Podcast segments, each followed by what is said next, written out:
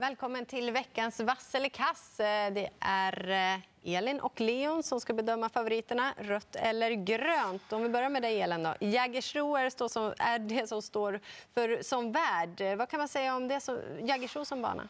Nej, men det är ju som vi brukar prata om en spetsbana. Vi, man går ju mycket på hästar som kanske sitter i ledningen inledningsvis. Och, eh, ja, det brukar hålla ofta hela vägen när man sitter i ledningen. Eh, sen så är det ju en snabb och bra bana. Det ser ut som att det kommer vara uppehåll i alla fall. Lite grått kanske, men, eh, ja, men en, en vår... Eller en höstbana, förlåt. Nu har du skyndat inte ens gått förbi julen. Eh, omgången i sin helhet, vad tycker du, Leon? Eh, en del bra favoriter, tycker jag. Och Eh, en hel del bra hästar. Sportsliga kvaliteten är bra den här mm. eh, omgången. Sen får vi se vad det blir för utdelning. Men det känns väl som att det är en, en lite skiktade avdelningar, vissa av dem. Brukar inte hemma hästarna också jo. prestera väldigt bra på Jägersro? Så brukar det vara. Mm. De har liksom laddat. Kanske inte lika bra som Halmstad, men det är ju snäppet under bara. Mm. Ja, vi ser upp för hemmatränarna. De är riktigt bra. Eh, om vi börjar då första avdelningen, det handlar om voltstart. Eh, och vi har en startsnabb häst, vi har en startsnabb kusk från springspår som är favorit, Sex Black Mission. Ja, han är inte stor favorit, så därför kommer jag att trycka grönt. Eh, jag tycker att det ska vara han som är favorit i loppet. Han kommer med jättefin form. Han eh, satt fast med krafter kvar senast. Han har en bra startkusk.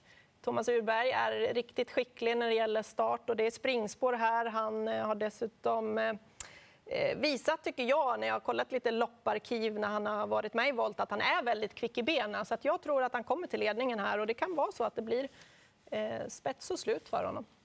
Um, blir grönt på loppscenario, precis som du är inne på. Eh, Thomas Urberg är en av landets skickligaste voltstartskuskar också, i alla fall när det gäller just springspårsbiten också.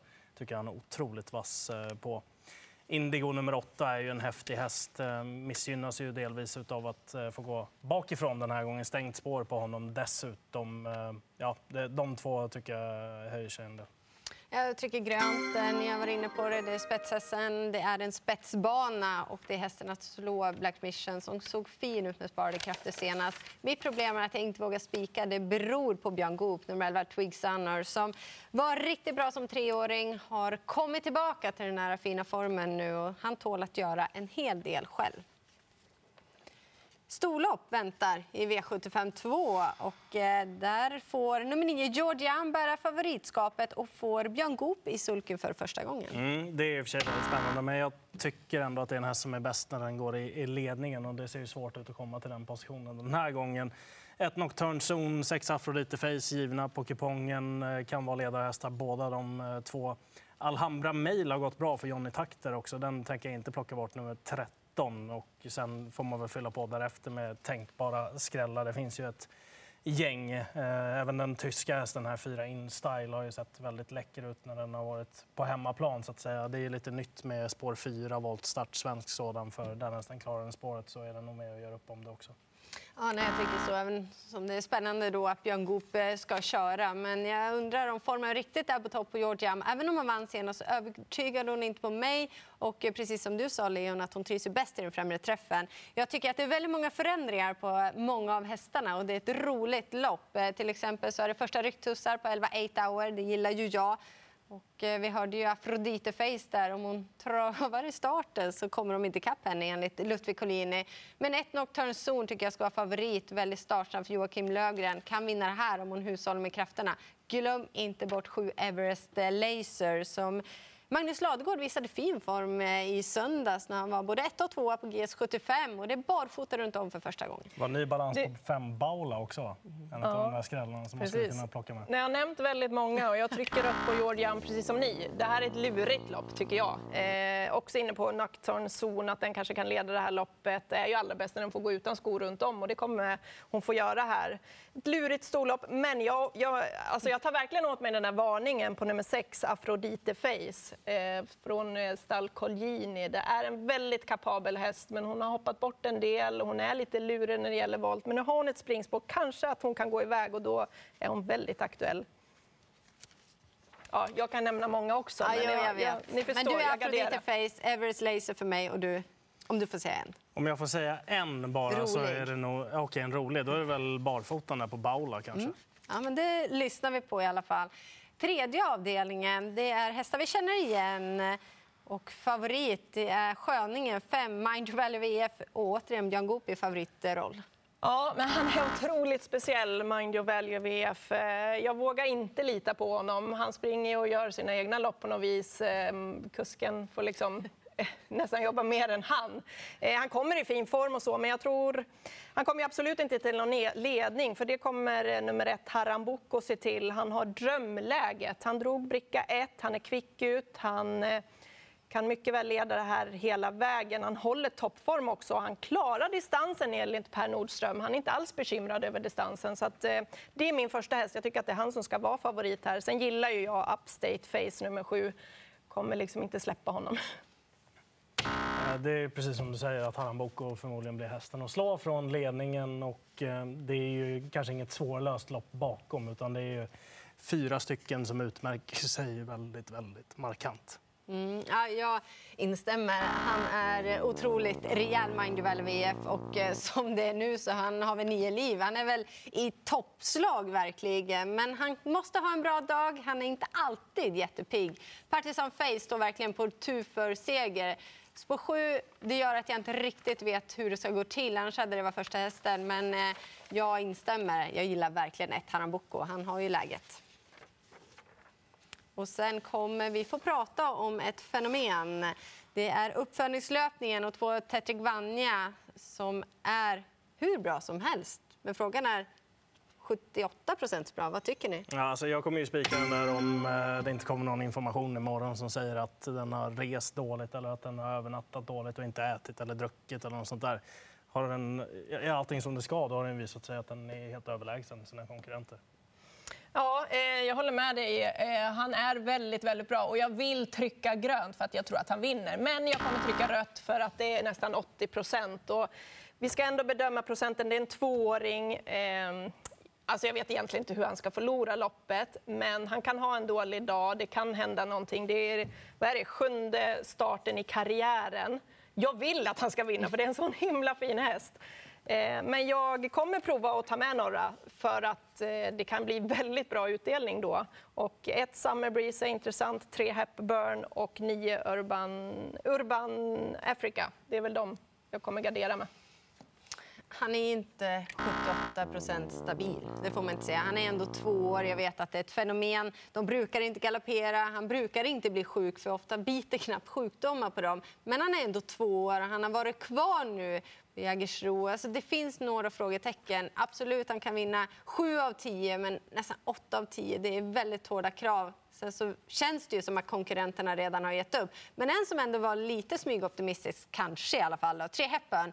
Eh, Luther Collin eh, pratar ju väldigt gott om henne. Hon såg fin ut av mål senast och Elva Escada fick aldrig chansen.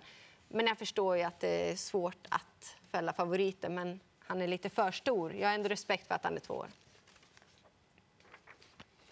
Sen kommer det gå undan. Kort distans i den femte avdelningen. Och eh, Fem Rare Magic är väldigt startsnabb, är han snabbast till slut? Eh, jag tror väldigt mycket på nummer ett, Piemonte, som ser ut att vara en väldigt spännande häst. Eh, så länge de hittar ut så tror jag att det är ganska god chans i det här loppet. Vågar du spika då med tanke på att det inte är garanti att han hittar ut? Nej, men det har väl visat sig gång på annan att de här kuskarna brukar kunna hitta ut i alla fall. Det är sällan de hamnar i säcken. Så att, eh, ja, men det tror jag definitivt att jag gör i, i slutändan. här. Det är väl han eller Oskar Ella lite senare som står och väger lite emellan.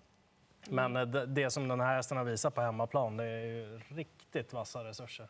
Jag har respekt för spetshästen på Jägersro, men eh, han såg fin ut senast också, Rare Magic. Men eftersom vi har ett osynat ekipage med här, ny regi för Joakim Lövgren som har stallform, nu har inte hästen hunnit vara där så mycket, men ett Piemonte har ju hårdhet som kanske överträffar de andra. Sen hade jag vetat att han skulle spetsa, det var en spik. Nu vågar jag väl inte det då, men det är ändå första hästen. Mm, jag vågar inte riktigt gå på honom. Jag tycker att det finns lite roliga skrällar i det här loppet.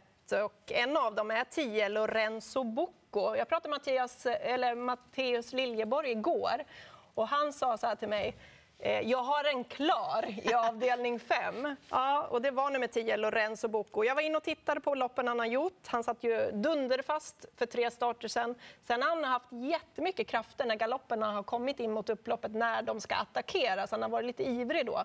Han är jättespännande i ett sånt här lopp. Du har klart. ju kusken med dig. Och jag fick kusken med mig också, Magnus A. Djuse. Jag hörde ju honom hans intervju här. Så att, ja, han är spännande. Jag gillar också två Midnight Special. Det, är liksom, det börjar släppa för den hästen.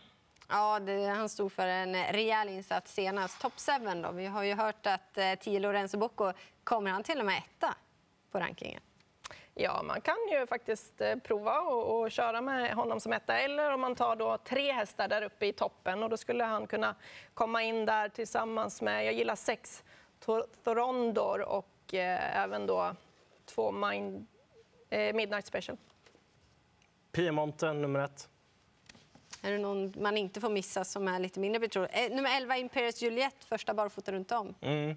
Eh, jag skulle säga Lorenzo Bocco får man inte missa till den där spelprocenten.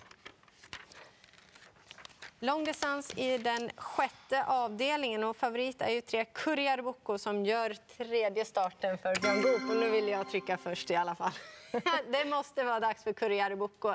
Han har spetsläge, han har gått eh, över den här distansen, han har vunnit på den och han har mött tuffare motstånd. Jag hittar svagheter på konkurrenterna. Till exempel fyra Global Beware har varit struken inför det här. Man säger från stallet att formen ska vara intakt, men ändå ett litet frågetecken.